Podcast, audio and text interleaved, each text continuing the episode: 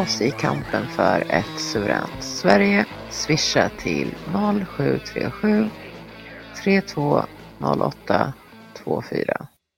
Hej kära lyssnare och varmt välkomna tillbaka ska ni vara till Stockholmare för ett suveränt Sverige. Jag är Annie och idag har jag med mig Martin från QI Bono. Vi körde ju en eh, början av sommaren också, en podd gemensamt. Så den tycker jag också att ni borde lyssna på. Ni som missade den då den var ny kan lyssna på den nu tycker jag var också väldigt intressant. Jag hoppas att ni också noterade att Martin höll ett kort tal för ett par veckor sedan på Mynttorget när det var Speakers Corner där. Det var ett väldigt bra tal och ni kan hitta det på Bitshoot och på Brighton. Jag lägger upp en länk i beskrivningen. Jag fick också en intervju med Martin där som var väldigt intressant så jag rekommenderar er att lyssna på den också. Idag kommer vi hinna gå igenom otroligt mycket. Det blir väldigt späckat avsnitt det här så häng med! Hej Martin! Tjena Annie! Hur är läget med dig idag? Jo då, det är, det är väldigt bra är det. Hur står det till själv då? Jo då, här har vi haft fint väder. Har ni också haft det idag? Mm, det har varit eh, sol och lite höst, höstväder. Så att eh, jag ska väl försöka komma ut i skogen lite i helgen tror jag. Plocka lite svamp tänkte jag. Vi såg ju här om veckan på Mynttorget Mm, och då höll ju du också ett kort tal för att du var speakerspånen för första gången. jo precis. Så att eh, det var det första talet jag hållit offentligt De viktigaste punkterna är ju det här med den stora mediekontrollen. Att de kan precis visa vad de vill på tv och eh, säga att det här är nyheter och så kommer människor tro på det. Du sa någonting jättebra där om Platons grottor eller vad var det? Kan du dra det citatet igen?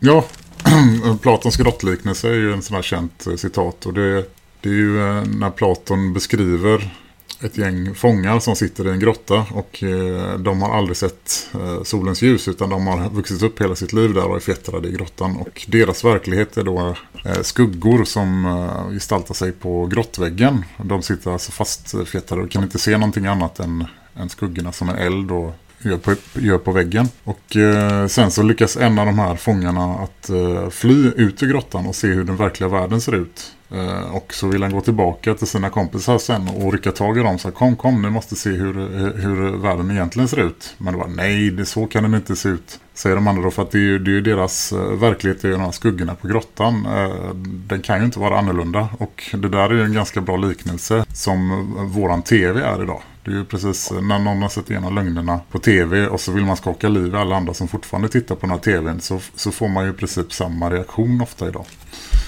Mm. Så att den gäller ju än den liknelsen. Absolut, det var väldigt bra liknelse. Den gäller i, i alla sammanhang. Mm.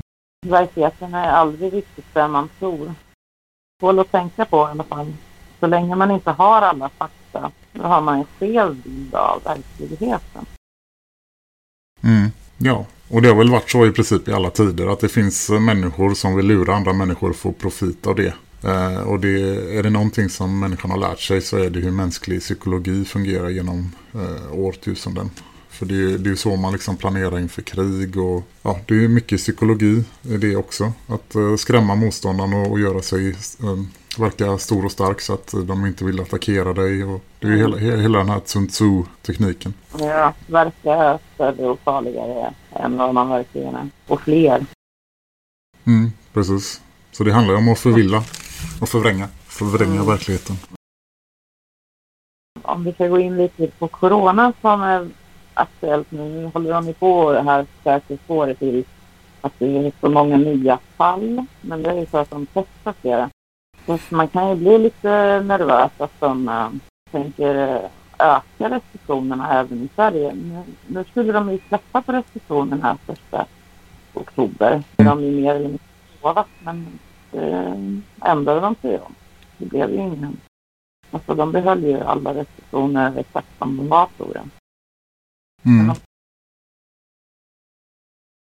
Men de här testerna funkar ju inte. Det verkar ju mer som att de mäter kanske vårt eget DNA eller rester från gamla vi haft någon virus någon annan gång. Ja, testerna är väl så antikroppstest. Men eh, tillverkaren själv säger att man inte kan använda det för att detektera coronavirus. Och ändå så använder man det då. Det är helt idiotiskt. För att de här testerna, de verkar vara helt meningslösa, helt värdelösa. Mm. Har man antikroppar sen, sen man föds ibland för att en företrädare har skaffat sig det mot vissa saker. Alltså, och så mäter de den nu och, och tolkar det som att, eh, att jag är sjuk. Fast det egentligen betyder att jag är är immun mot den här sjukdomen som de vill påvisa att jag har. Så blir resultatet helt makalöst förvrängt och förvridet. Mm.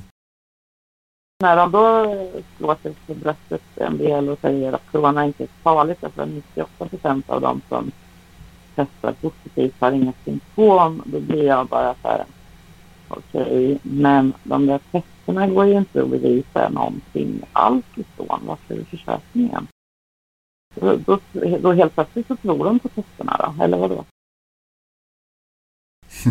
jag tror aldrig på de här testerna. Jag tror inte på dem ett endaste dugg. Vad säger du om de här testerna?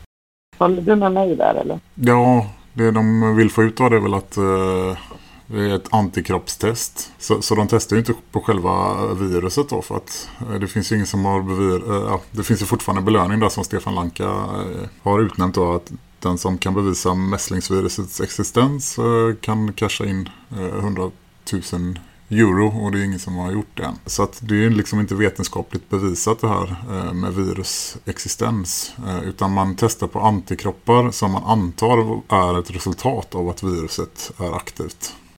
Men sen så är det inte att, att det finns virus. Kan man mm. då få antikroppar även om det inte fanns något virus? Ja, det kan väl vara antikroppar mot någon bakterie eller... Okej, okay, men antikropparna är inte uteslutna även om virus är uteslutna. Mm. Vi kan ju få dra din teori lite noggrannare där. Vad har vi istället för virus? Exosom? Kommer jag ihåg det? Jag har hört det ordet någonstans. Ja, du menar vad som eh, gör oss sjuka och så, eller? Ja, precis. Vad jag är mest inne på som gör oss sjuka idag det är ju eh, alla gifter som vi får i oss. Det är allt från flor i tandkrämen. Eh, det är olika halv- och helfabrikatvaror. Om man tittar på innehållsförteckningen så är det väldigt mycket kemikalier och sånt som eh, gör oss sjuka. Och sen har du vacciner som innehåller kvicksilver och formaldehyd och, och alla möjliga olika kemiska substanser och de är ju inte heller man, har inte heller beprövat dem och kommit fram till att de faktiskt kan motverka den här sjukdomen de säger sig göra. Utan där testar man, eh, testar man också på antikroppar. Mm -hmm. Eller ett immunsvar är det. Jaha, det där har... Mm. Jo, man testar vaccinet och eh, så får man ett immunsvar. Och då antar man att det här immunsvaret eh, är, gör eh, vaccinet effektivt. Man testar mot kontrollgrupper som tar andra vacciner. Och så är inte dödligheten högre i den gruppen konstaterar man då. Men då har man alltså ingen kontrollgrupp som inte har fått något vaccin. Som innehåller alla de här huvudingredienserna som, som alltid finns i vaccinerna då. Men menar du vaccin för eller mot samma sak då? Eller, eller allmänt? All, allmän, allmänt också. Så att det, det finns inget vaccin som har bevisat att det motverkar den sjukdomen som eh, det sägs sig göra då. Alltså man kontrollerar farligheten hos ett nytt vaccin så kontrollerar man mot andra vaccin. Alltså sådana kontrollgrupper där de i de grupperna har tagit andra vacciner än det här nya. Ja, fast vacciner som ska då motverka andra sjukdomar. Ja, precis. Ja, precis. Men har de typ samma ingredienser i alla vacciner, tror du, ungefär? Eller? Det finns ju huvudbeståndsdelar som, eh, som de flesta vacciner innehåller. Det är olika metaller och eh, formaldehyd stabiliseringsmedel. Och sen så har de väl lite olika ingredienser som är unika för respektive vaccin då. Men mm. formaldehyd, är det inte sånt man stoppar döda kroppar i för att de ska bevaras? Mm, precis. Och det kan man ju tänka sig att det inte är så bra att spruta in i en kropp. Det låter jättekonstigt. Varför har de det i vaccinet? Nej, jag vet inte. Nej, jag hörde också att de hade vissa vacciner vävnade från foster, aborterade foster. Ja. Och höns, hönsägg och ja, alla möjliga olika ingredienser. Och liksom hade man bakat en muffins och, och ska käka den här då och den hade bestått av det som vacciner innehåller så, tro, så, så tror jag ingen skulle vilja äta den. Nej, man hade också blivit jättesjuk med Mm. Men det här ska vi alltså då, vi ska gå förbi våran eh, skyddsanordning som är liksom att matsmältningsapparaten och allt det här då sprutar direkt in i blodet. Det gör man ju då. Men dessutom så tror inte du på det här viruset överhuvudtaget. Men Nej. om vi säger att vi skulle tro på virus så säger det ju de som gör det att eh, virus muterar varje år. Så att de skulle vara tvungna att ta nya vacciner mot coronan varje år. Mm. Precis, och det är ju farhågan med det här då att de kanske säger att man behöver ha ett vaccin för att eh, få tillgång till vissa samhällsservicer. Men sen så kommer det ju mutera, säger de då, och eh, bilda en ny eh, version kommande år. Så då kommer du behöva bevisa att du har tagit det nya vaccinet för att få tillgång till samhällsservicerna då. Så att då kan ju det här ge upphov till ja, kanske det här chippet då som eh, någon, en ny digital identifikationshandling där man bär på bevisen för att man har vaccinerat sig och sen kan ju det integreras med kanske att man kan öppna dörrar på jobbet eller betala sina räkningar och så vidare. Så då, då har man ju ett, ett chip med vilket de då kan kontrollera i princip allting du gör i ditt liv. Precis. Det kan ju till och med bli så i framtiden, inte nu då. Men alltså, det kan ju bli så att man inte ens kommer ut ur sitt eget hus utan att och kunna, att de kan identifiera att man har tagit alla delar. Mm, precis. Det var en skillnad som var lite så här framtida sätt. Värnäkte hette den på Youtube. Det var, man får söka efter den det var väl en kvart lång kanske. Och, och den var riktigt, riktigt hemskt. Alltså, men väldigt för, alltså man kan verkligen tänka sig att det kan bli så ganska snart. De är ju redan, det är ju flera länder som redan planerar de där digitala ID. Mm. Ja, vi har varit ganska lyckligt lottade i Sverige. Jag tror många i Sverige inte förstår vad många genomlider i andra länder. Eh, och hur olidligt det är att sitta, sitta inlåst i en, eh, en lägenhet, en storstad eh, och inte komma ut. England förlängde ju sina restriktioner för bara några dagar sedan. Då har de väl redan varit i tre månader. Eller är det sex månader de har varit? länge? Har du koll på det? Ja, det börjar väl i mars någon gång. De här eh, lockdowns. Det måste ju ha gått sex månader. Mm. Kan man tänka. Alltså nu ska de förlänga det om sex månader till eller? Mm.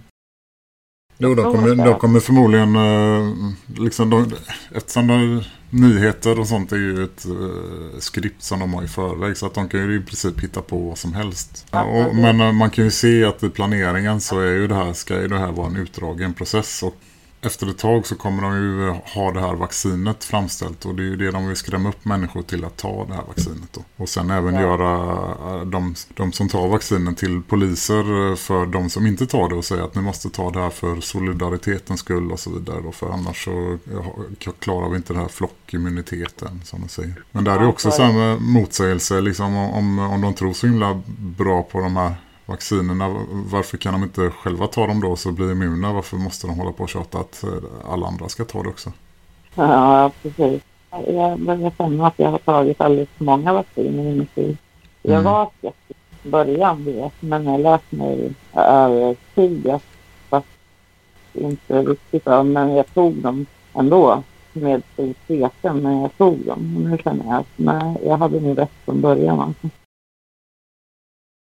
man tänker att de där vissa sjukdomar som polio, tuberkulos och sådär som man är vaccinerad mot, de eh, är ju, får ju väldigt allvarliga konsekvenser om man får sjukdomen. Om man har lite otur. Och de verkar, men den risken kanske inte är så himla stor ändå. Framförallt inte nu för tiden. Mycket av de här sjukdomarna berodde väl dessutom egentligen mest på smutsigt vatten och sådana där grejer, eller? Kommer ihåg, jag läste en bok om, eh, om de här smittkopporna alltså, säger man att man eh, har utrotat med hjälp av vaccin. Men då läste jag en lite äldre bok, jag tror det var Bacteria Inc. Eh, där det var en doktor som hette Campbell som undersökte en eh, familj då där det var hela familjen utom ett litet barn hade blivit eh, smittade av smittkoppor. Så de fick sitta i ett sånt här karantänsläger. Och barnet blev inte sjukt trots att det var med sin familj. Och det här tyckte den här doktorn var väldigt, väldigt konstigt då. Att om det är smittkoppor och det ska smitta människor emellan så varför blir det här lilla barnet inte sjukt när det är med sin familj? Och då um, blev familjen friska till slut och så åkte de hem till sitt hus och då blev det här lilla barnet också sjukt eh, i smittkoppor. Och då eh, åkte den här doktorn hem till deras hem och så undersökte vad kan det vara för någonting som, eh, som orsakar att det här barnet också blir sjukt i smittkoppor. Och, och vad är det han hittar där? Jo, han hittar en ohyra i form av vägglöss som han då kunde konstatera var den gemensamma orsaken som gjorde att barnen fick, fick eh, smittkoppor. Men då har man alltså eh, han gått ut med den här informationen men ändå så har man fortsatt att vaccinera mot smittkoppor då. Och då har man ju liksom eh, man har ju inte den korrekta orsaken till att de blir sjuka så att då sprutar man ju bara eh, någon form av eh, vätska som bara kan ge negativa effekter i en massa människor eh, under lång tid och, och, vi vet ju att det finns konstaterade bi, biverkningar mot vacciner eller för, som som kommer till följd av vacciner menar jag. Det är ju ett lotteri. Ibland kan kroppen ta hand om de gifterna som, eh, som de får i sig men blir det för mycket eh, och det ackumulerar sig så förr eller senare så, så kommer det ge uttryck i någon form av, eh, av sjukdom. Och, och det kan ju vara cancer eller att man... Det var ju psykisk corner på Mynttorget nu i söndags. Då var det en kvinna som hade jobbat i äldrevården som talade lite snabbt och berättade att många äldre som hon kände hade tagit influensavacciner tidigare. Och då hade de blivit sjuka som de aldrig varit tidigare i sina liv. Alltså. Mm. En hade varit ett år framåt Mm. efter att de blev vaccinet. Ja, och det kan man det säger liksom att är man då gammal och har tagit en massa vacciner i sina att det byggs på, det blir giftigare och giftigare. Och till slut så, ja, vacciner är nog inte bra att ta. Framförallt inte många, framförallt inte regelbundet. Nej. Och det är ju samma med kemiska piller från läkemedelsindustrin. Och det är ju en eh, karusell som eh, hänger ihop att man, man rekommenderar ju felaktig kost från Livsmedelsverket och så vidare så med mycket kolhydrater och, och, och sen så den här fettskräcken kom ju när jag var liten i början eller på 80-talet så kom ju alla de här light-produkterna att man började ta bort fett ur eh, mjölk och crème fraîche och sådana saker för att det var fettet som gjorde oss feta hade ju forskning kommit fram till då men, men det är ju det är ju själva verket precis tvärtom att eh, ju mer naturligt mättat fett vi får i oss desto bättre mår våra kroppar. Eh, Det man har gjort då är att skapat sig eh, kunder till alltså folk som börjar få krämpor på grund av felaktig kost och så kommer de till läkemedelsindustrin och, och där finns det givetvis läkare som är utbildade att skriva ut diverse olika piller som ger biverkningar och så har man ett piller till den här bi, eh, biverkningen och så vidare så är karusellen igång där. Så då ska man ju ha så naturliga varor som möjligt också så smör är väldigt bra. Och man försöker ersätta det då och med till exempel eh, lätta eller Becell, eh, lätt och lagom och så vidare eh, som inte är särskilt hälsosamt. Är det inte? Nej. Vi har väl gjort det ganska vältäckande i våran eh, podcast eh, Radio Kibono. Där vi har gått igenom eh, hur lurade vi är från början. Och det är ju ganska mycket information att ta till sig där. Men ja, om man lyssnar igenom de avsnitten vi har där så, så kommer man en väldigt bra bit skulle jag säga. Och även om man inte håller med om allt så kan man i alla fall få väldigt intressanta spår. Och det finns också väldigt mycket villospår där ute. Så vi har ju, vi har ju en, eh, en motståndare som kan trolla fram pengar ur tomma intet och därmed köpa all mainstream-media och så. Men de kan även köpa sin egen opposition. Vilket innebär att det finns väldigt mycket falska profeter där ute. Många då som börjar vakna upp att det finns lögner där ute. eh, De fastnar i deras nät då. Och det, deras uppgift är ju att de inte ska ta sig vidare utan att de ska stanna på, en, eh, på den nivån de är på. Det är, väl, det är väl det jag tänker kan vara den enda, eller den utvägen som vi ser eh, ut från det här nedåtgående samhällsspiralen. Det är ju att människor eh, tar sitt förnuft till fånga och faktiskt börjar tänka själva. Jag har läst eh, flera gånger faktiskt på sista tiden att eh, autism ökar och att det ökar mer och mer för varje generation Mm. och att snart så kommer 100 procent av alla pojkar som föds kommer att vara autister på ena eller andra sättet. Alltså Mm. det är en gradskala. Men eh, det kan ju också bli värre med tiden så till slut kommer alla att vara gravt autistiska om 100 år, alla pojkar. Mm. Sen för alla flickor. Men att det beror på alla de här vaccinerna. Och tittar man på barnen i USA så har ju antalet vaccinsprutor de får i sig har ju ökat markant. Ja, du menar att de inte föds autistiska men att de blir det av alla sprutorna de Ja. får innan de blir Ja, 10 år eller så. precis. Ja, ju Och sen även sådana här fenomen då som eh, plötslig spädbarnsdöd som man har hittat på då. Och eh, då hade man ju för några år sedan, var, jag tror det var hypat för en, kanske 20 år sedan att man skulle låta, låta sina barn eh, sova på rygg för att det var farligt om de sov på mage för att då kunde de råka ut för det här plötsliga spädbarnsdöden. Men eh, som, det man, ska, man skapar en slags oroskänsla hos föräldrar då för att man vill ju sina barn det bästa. Men samtidigt så ska man då inte oroa sig för alla de här kemikalierna man sprutar i barnen då som högst troligen är, är den orsaken till att eh, det här fenomenet plötslig spädbarnsdöd. då. att man tror på vacciner, eller att många tror på det utan att ens ifrågasätta det överhuvudtaget. Men att till som ifrågasätter ändå låter sig luras till slut så är ofta sådana som jag då. Men väldigt många tror ju på det från början och ifrågasätter inte överhuvudtaget. Det är för att man tror på deras vetenskap. Man tror att de vill oss väl. Man Mm. tror att de har fakta, forskning bakom sig. Ja men hela systemet är ju eh, uppbyggt kring eh, det här fractional reserve banking som skapar pengar till tomma intet. Och via de här pengarna så kan man ju köpa forskningen eh, och forskare beroende av anslag. Så att det, det, är det, det är det som vår förening heter också. Det är qui bono, alltså vem är det som gynnas av olika handlingar. Stora, stora industrier de gynnas ju av att få återkommande kunder och alltså inte lösa något problem i grunden utan att skapa en prenumeration eller eh, ett problem ja. som de hela tiden måste vara med och lösa. Då. Eh, och i läkemedelsindustrin så är det ju att människor är sjuka. Det är ju ett, eh, det är ett måste för att de ska kunna tjäna pengar. Ja, precis. Mm. Så, um, poliserna behöver drottningar där, ja. blir de Ja, precis. Varje institution kommer inte undantränga det fundament som, som deras verksamhet bygger på. Alltså man kommer ju aldrig eh, vilja bli av med det som berättigar eh, ens egen existens.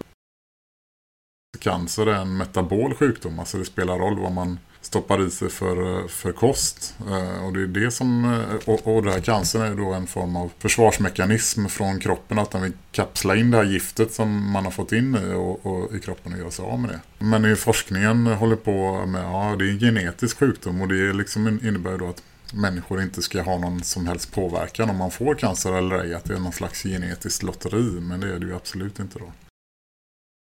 Men eh, när det gäller lungcancer till exempel, då säger de ju att 99 procent som får det har rökt. Men prostatacancer och bröstcancer, vad kommer det ifrån?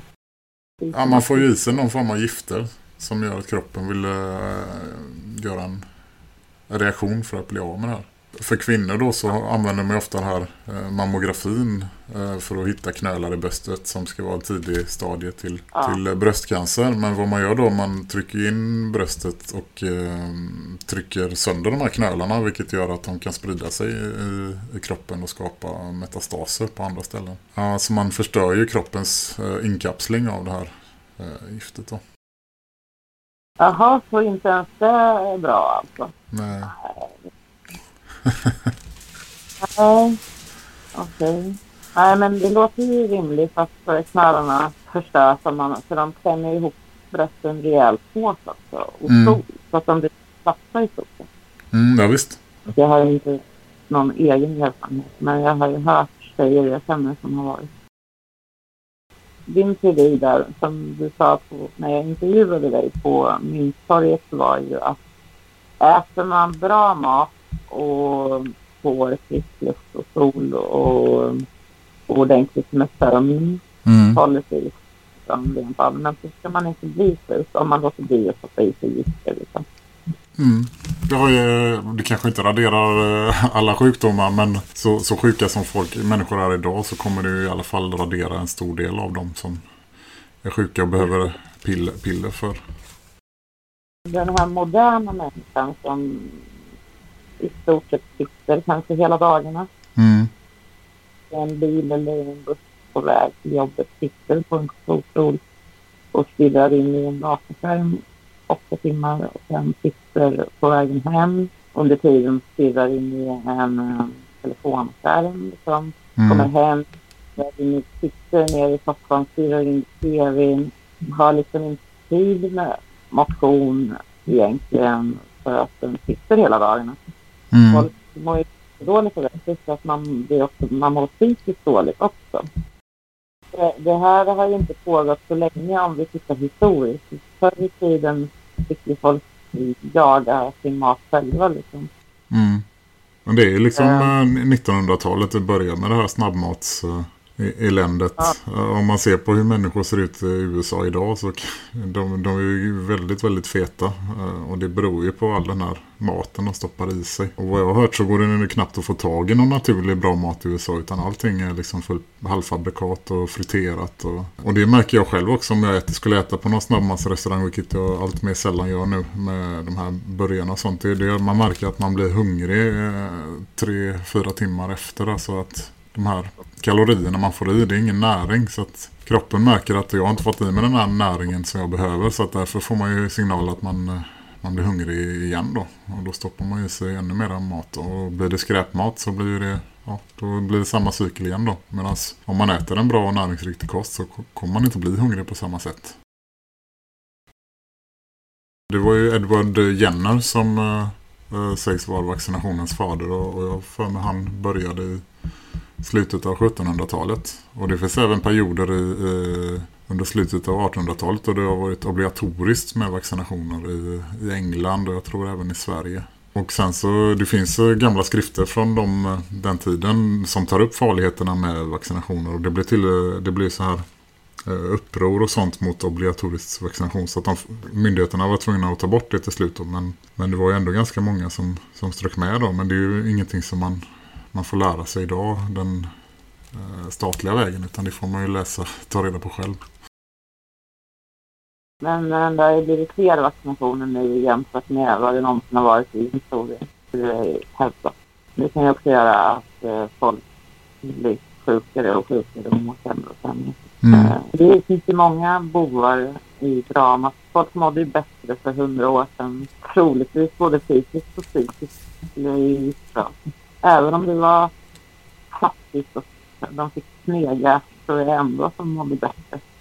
Jo då, man le lever närmare naturen också. Ja, bara det här att bo som inpackade killar och inte känna sina grannar fast de typ hör när man går på toaletten. Alltså, förstår du? Man bor så nära men ändå säger man knappt hej till dem. Man vet inte vad de heter, man vet ingenting om dem. Bara det är deprimerande egentligen. Jo, visst. Och att de har det här att gam, gamla generationer sätts in på ålderdomshem och helt skiljs ifrån yngre generationer. Det är också relativt nytt fenomen och det gör ju också att båda generationerna, eller alla tre generationerna, alla levande Alltså de, det bryts, banden bryts och alla mår sämre egentligen. Mm. Man känner, eh, eller tappar den här känslan av att vara behövd. För, eh, för så hade ja. man en sån här gammelstuga på gården så att då eh, de, de som var äldre då kanske inte kunde hjälpa till fysiskt på samma sätt. Men de hade väl ändå förmågan att komma ihåg olika tricks och sånt som de kunde lära ut. Så att de besatt ju en väldigt stor livserfarenhet och kunskap som de andra kunde ta del av. Och den, den kunskapen eh, tar man väl inte del av så, så mycket idag då. Att man, eh, man lyssnar på de äldre och sånt. Utan de är ju mer bara obsoleta fossiler som, ja. som inte kan ta till sig den nya tekniken då. Det här med Alzheimer, det på fluor trodde folk, har jag hört. Ja, jo. Har du också hört det? Mm. Ja, och det, jag har ju börjat borsta med fluorfri tandkräm och sånt. Men jag har ju varit ovetande som alla andra och hållit på med fluortandkräm och till och med fluorskölj också. Ja. Det är så tråkigt att samhället försöker packa på oss alltså en massa saker som är dåliga för mm. Det har vi tagit upp i det senaste avsnittet av Radio Kibono, det här med Sion Vises protokoll, om du har läst det i det, om man läser det så sammanfattar ju det i princip vad som har hänt under 1900-talet och bakom det, det som pågår så måste det finnas en väldigt ondskefull och cynisk kraft som uh, vill människor illa medvetet och det är väl mycket därför jag tror alla de här gifterna sånt finns runt omkring oss för att man, uh, man, vill ja. ha, man vill ha dem där helt enkelt. Så det är ingen så här missriktad godhet som man ofta tror i början då när man vaknar upp inklusive jag då, då Nej, men det stod att de, eh, att de egentligen tror själva att fluor ska vara bra för våra tänder. Mm.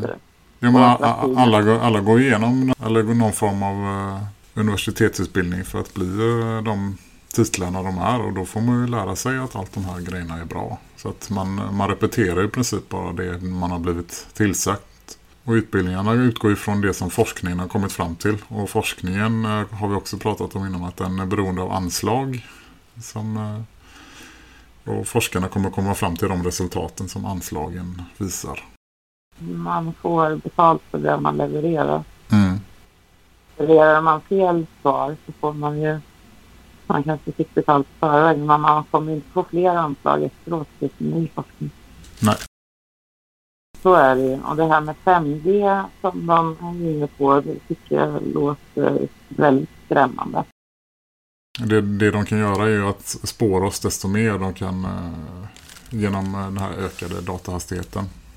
Och det är det som är deras eh, slutmål, att kunna kontrollera i princip allt vi gör. De ska veta våra tankar nästan innan vi själva tänker dem och så vidare. För att de är Det är ju övervakningsteknologin som detta medför. Så. Så är det nästan redan idag. Om man, alltså jag sätter en ny telefon. Eller nej, eller jag gjorde det också. Men vad jag gjorde var att ladda ner en browser, alltså webbläsare, eh, på en annan telefon där jag aldrig någonsin har haft den. Och den Mm. telefonen råkade vara relativt ny, men eh, det var ingenting stötsamt på engelska. Utan jag hade aldrig någonsin haft den browsern på min telefon. Den telefonen. Men jag hade haft den på en annan telefon. Men jag Mm. har aldrig någonsin varit inloggad på någon webbläsare överhuvudtaget. På någon telefon. På datorn har jag varit en, vid något tillfälle. Men aldrig via en telefon. Däremot så har man ju liksom loggat in på Gmail eller sådär. Och man använder Google oavsett vilken webbläsare man har. Så att när jag första gången jag någonsin skulle använda den här webbläsaren på en relativt ny telefon som den aldrig hade varit installerad på den webbläsaren. Så när jag skulle skriva min första sajt och vart jag ville gå så fick jag redan förslag på sådana sajter jag dagen innan hade använt med samma webbläsare på en annan telefon. Mm. Ja visst, det är ju riktigt skrämmande. Kan de veta det? När jag aldrig har haft den browsern, webbläsaren på den telefonen. Mm. Men det visste de och det var så udda sidförslag. eh, Så att eh, alltså, det, det, kom in, det var inte bland de hundra mest kända inte de. Det var så pass udda. En så pass udda sajt. Mm. Jag, jag var tvungen att reagera faktiskt. Annars är jag inte så konspiratoriskt lagd. Men det där det var liksom ingen slump.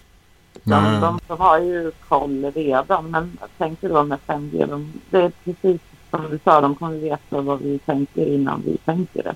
Mm. De kunna förutspå allt. Mm. Precis. Och så ska de dessutom ta bort kontanterna. Mm. Och mycket av det är väl... eh, eh, dels är det ju spårbarheten. Att eh, man gör det lukrativt med de här nya funktionerna med Swish. Att det är enkelt att och liksom betala sin kompis med Swish och så vidare då istället för kontanter och sådär då. Men det kostar ju inga pengar då. Men sen så när de tar bort, eller gör människor beroende av det där så, så kommer de ju förmodligen börja ta betalt för det där. För ingenting är gratis. Så att eh, ska man då swisha en hundring till sin kompis så tar företaget två kronor eller swishavgift för det som tidigare inte kostar någonting när man bara ger över en hundralapp. Och dessutom så kan de då göra räntan eh, negativ eh, när kontanterna försvinner så att människor idag då när de gör räntan allt för negativ så kommer ju människor ta ut pengar i kontanter och lägga dem i madrasserna för att då bevarar de sitt värde mycket bättre än att ha dem på bankkontot. Men när, när den försvinner sen då så kan de ju sätta in en minusränta på några procent istället då, så att, och då har man ingen möjlighet att ta ut pengarna. Eh, För kontanter finns ju inte då. Då får man göra som sista sa, köpa guld. Mm. Först så Ja. måste man ju ha lite cash först. Det är inte alla som eh, kommer att ha råd att köpa guld. Det sa han ju faktiskt också. De Mm. flesta är redan färdigplundrade av Svensson. Mm. Han sa det i en intervju jag gjorde med honom ganska nyligen angående... Ja, han tog upp National Reserve Bank bland Mm. annat. Men Sen Håkan Bergmark som ju också brukar vara på Mynttorget och tala. Han talade förra söndagen, alltså inte den söndagen du var där utan nu i söndags. Då Mm. talade han om uh, National Reserve Banking och sa att lösningen är att koppla valutamängden till BNP. Är, det- det som är lösningen eller har han rätt eller fel? Vet du det? Det känns det som att det inte är rätt att banker ska kunna trolla fram pengar tomma intet i alla fall. Att man behöver ha någonting som är beständigt över tid. Och då kanske man kan eh, jobba mindre och mindre för att det här industriella revolutionen eh, och så såldes ju in med att eh, vi skulle få mycket mer fritid eftersom maskinerna eh, gör mer och mer av våra jobb så att allting blir mer effektivt. Men fortfarande idag så ska vi jobba åtta timmar om dagen och hålla på och slava lika länge som innan då. Så man undrar vilka som, vilka som har tagit del av den här effektivitetsökningen då. Nu ska ju AI, artificiell, artificiell intelligens, ta över en massa jobb. Så det 50 procent av oss kommer att bli arbetslösa inom ja, 50 år kanske. Eller något. Mm. De kommer ju försöka ersätta människor med AI-robotar överallt de kan. för att slippa den mänskliga faktorn som ibland gör fel och ibland är sjuk eller mammaledig eller allmänt jobbig och störig. Det är ju bättre med en robot som gör som, som programmerar. Mm. Billigare också, den behöver ju ingen lön mer eller mindre. Den behöver uppdateras. Man, man behöver ge lön till några datagenier. Mm. Eller för hundratals anställda. Precis. Och AI kommer ju alltid göra som programkoden säger. Det här med människor är ju problemet att de har ju innerst inne någonstans så har de ju någon form av etik och moralisk kompass. Så att, eh, som gör att eh, förr eller senare så kanske de slutar att lyda order om det skulle bli för outhärdligt. Men det kommer ju aldrig att artificiell intelligens att göra. Nej. Och det är ju det man är ute efter där då kanske. Att man vill ge de här orderna som inga människor skulle vilja utföra. Ja, jag har till och med hört att de vill ha läkare och eh, domare. Att de ska vara artificiell mm. intelligens. Mm. För att de ska alltid vara rättvisa och ha mer kunskap och inte göra fel. Medan jag tänker att eh, tvärtom, att det behövs en mänsklig faktor i både läkare och domare för att man måste kunna se lite mera nyanser och helheten. Liksom, det är inte lika enkelt som ett att så alltid i, i, i sådana fall. Jag skulle rösta emot sådana slag. Men frågan är, alltså, tänker jag om 200 år, då är väl alla domare och advokater och alla läkare säkert också AI istället för män, människor. De kan ju säkert göra AI till kirurger också. Kommer mm. där med och de blir inte darrhänta och, och de äh, dreglar inte på patienterna. Nej, men det, de, de kommer tycka att det är fördelar med det. Den nuvarande trenden som vi har, den kommer inte kunna fortsätta i all evighet. Så att någonstans kommer det ske någon, någon paradigmskifte av något slag. Och det är kanske det vi är mitt uppe nu med det här. Corona kan ju vara en föregångare till eh, ja, en reset av banksystem och då kan det ju bli lite oroligheter och då kanske man inte kan hålla på med den här tekniska utvecklingen som man gjort. Så det är ju liksom öppet fält. De försöker ju ta livet av oss men de med sina, det här coronavaccinet sämst i faktiskt mm. mm. Eh, eh, av misstag så råkar de ju väcka upp en massa folk som aldrig ens funderat förut och som bara blint upp på systemet att det är bra. Men nu börjar ju det börjar bli så uppenbart att jag tänker på alla de här tyranniska restriktionerna. Mm. Till och med mest sovande fåret kommer att vakna till slut om det eskalerar ännu mera. Eller? Ja, man kan alltid hoppas. Men uh, det, tyvärr är ju indoktrineringen sitter väldigt hårt. Men liksom om de börjar hänga folk för att de inte har munskydd på sig kommer ju de flesta att börja reagera. Man vet, de kommer ju alltid sälja in det som att man är så här eh, kättare och härdare. Att man inte eh, har munskyddet för, eh, för kollektivets bästa så att man måste utraderas. Det är jätteskrämmande. För de har ju tydligen skrämt upp folk så mycket att de attackerar fysiskt varandra om den andra inte har munskydd. Mm. Då börjar Jaha, men om du tror att den personen är smittsam, varför tar du på den springer ifrån istället? Hade det varit smartare. Men, men de tänker liksom inte logiskt, utan de... Det är någon reptilhjärnan som bara reagerar. Åh, oh, en farlig typ. Den måste straffas på något vis för det. Mm. Men eh, så mycket som MSM har skrämt upp folket Alltså, jag blev jätterädd när de höll på med sina skräckstämningar. Varje timme uppdaterade de hur många som hade dött i Sverige. Så här, om ni tänker att det kanske var i mars eller någonting. Och efter två veckor så, så tänkte jag, nej, nu, nu, nu tänker jag inte läsa en enda artikel till om corona. Jag vägrar. Jag blev kanske lite rädd på ett annat sätt för jag visste inte riktigt hur långt jag skulle dra det. Att, eh, jag vet ju att corona är, eh, det är en bluff bara men sen Hur långt hade, hade de tänkt att gå och stänga ner samhället? För att om, om människor inte kan gå till sina jobb så kan det ju bli problem med livsmedelsförsörjning till exempel. Och vi, vi lever ju i stora städer och där det, det finns ju inga odlingar direkt utanför kåken direkt. Så att man är beroende av transporter och så vidare. Att de, för de gillar ju avledningsmanövrar. Att man ska vara rädd för någonting som egentligen inte är farligt. Det här fiktiva viruset då. Men att de istället gör någonting verkligt och stänger av livsmedelsförsörjningen. Vilket, vilket, mycket väl kan vara någonting de har eh, planerat. För att eh, det är ju de här herrarna som äger i princip all, eh, alla livsmedelsföretag också. Tittar man på ägarstrukturerna så är, så är det ju samma företag som, som äger dem. Och då har de ju möjligheten att göra vad de vill.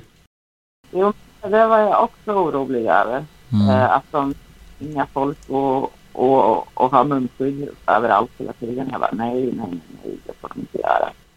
Eller de, de talade om att stänga kollektiv. De drog ju ner kollektivtrafiken.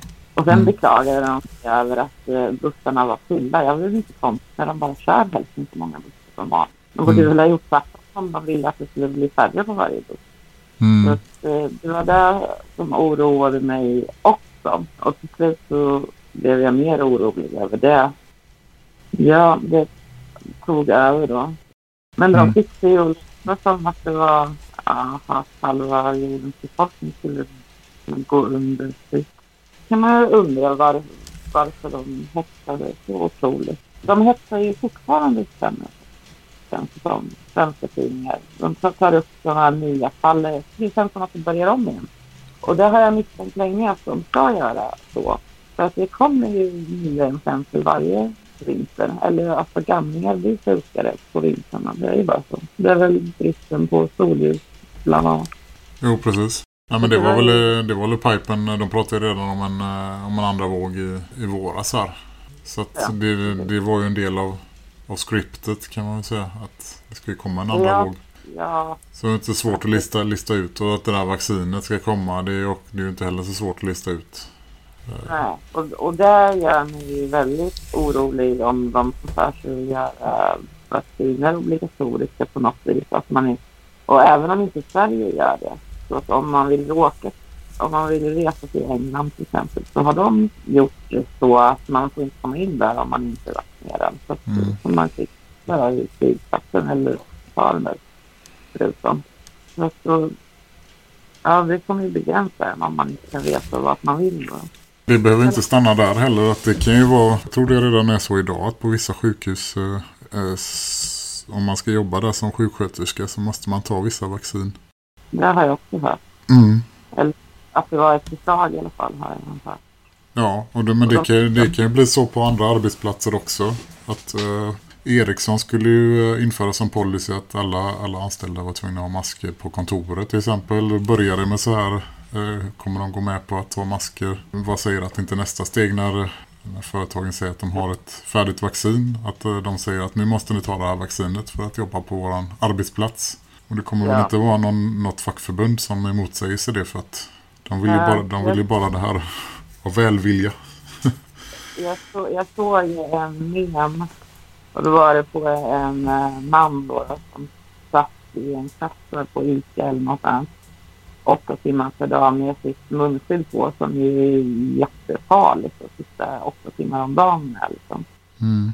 Och så det som text var det ditt värdelösa fackförbund nu. Mm. De gör ingenting åt den saken. De bara, ja, bra liv ungefär.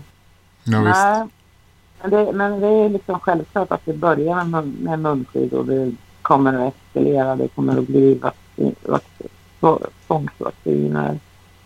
Alltså det är den kokta grodan. De kan inte slänga på oss allt på en gång. Ja. Dessutom så har de inget vaccin än för att viruset är nytt. Men frågan är ju om de kanske redan hade jobbat på vaccinet i förväg. Alltså, vad är det som säger att viruset är nytt? De kanske visste långt i förväg att det skulle komma just det här viruset. Ja, det finns ju så här rap-video från eh, 2013 där den sjunger till och med texten är Coronavirus 2020.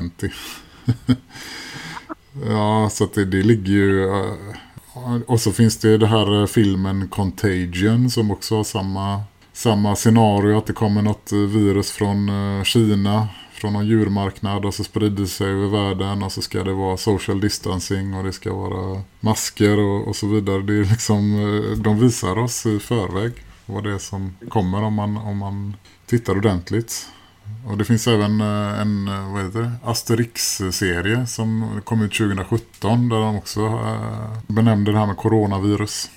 Och sen var det den, den som jag tyckte var mest hemsk var ju Eh, Madonnas framträdanden på Melodifestivalen i Tel Aviv. Där hon ju sjöng bland annat Not everyone here is gonna make it, not everyone here is gonna last och så vidare. Om man tittar på den skivan alltså som den här låten finns på, den heter Madame X. Så på baksidan där så sitter Madonna och skriver med eh, svarta skinnhandskar på en skrivmaskin av märket Corona.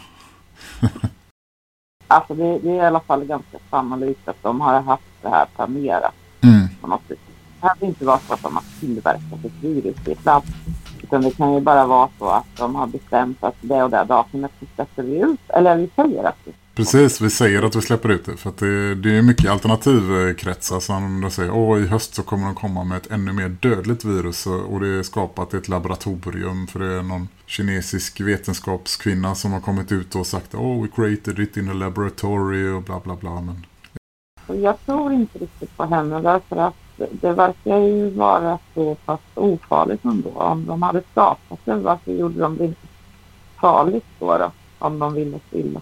Jag tror det är ett sånt där skrämselvapen. Det är science fiction att man kan skapa någonting i ett laboratorium och sen smitta en första individ som i sin tur då ska kunna smitta hela världen med den här laboratorieskapelsen. Det händer alltid på film tänkte jag säga.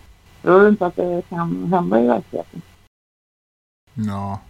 ja. Jag, tror det, jag tror det är gifter som är främsta orsaken till att vi blir sjuka. Och sen så vill de skrämmas med olika saker och felaktiga teorier om hur vi blir sjuka så att vi inte ska veta hur vi håller oss friska. Nej, nej, precis. Det är ganska logiskt tyvärr. För de mm. vill ju sälja sitt läkemedel och de vill sälja sina vacciner. Mm. Så de vill vara sjuka och inte friska helt enkelt. Mm. Tyvärr. Mm. För de på pengarna som har råd med det där och skapa vacciner och läkemedel. Det är inga dem idealister. Utan mm. det är ju motsatsen snarare. Det är liksom globalister som vi är myror som de kan stampa ihjäl bäst. Det skiter de i. Vi har inget värde för dem i alla fall. Nej, nej, nej. Det har vi inte. Tack för att du lyssnade. Dela gärna poddavsnittet med dina vänner och bekanta. Vill du vara med i en framtida podd eller tala på en framtida manifestation? Mejla oss vill du stötta oss så swisha till 0737 320824. Håll koll på hemsidan för aktuella uppdateringar. Vi finns på VK och på Twitter så har du VK och eller Twitter. Följ oss gärna där. Länkarna finns i beskrivningen. På återhörande. You just hear the goodbye song. You might wonder what's gone wrong.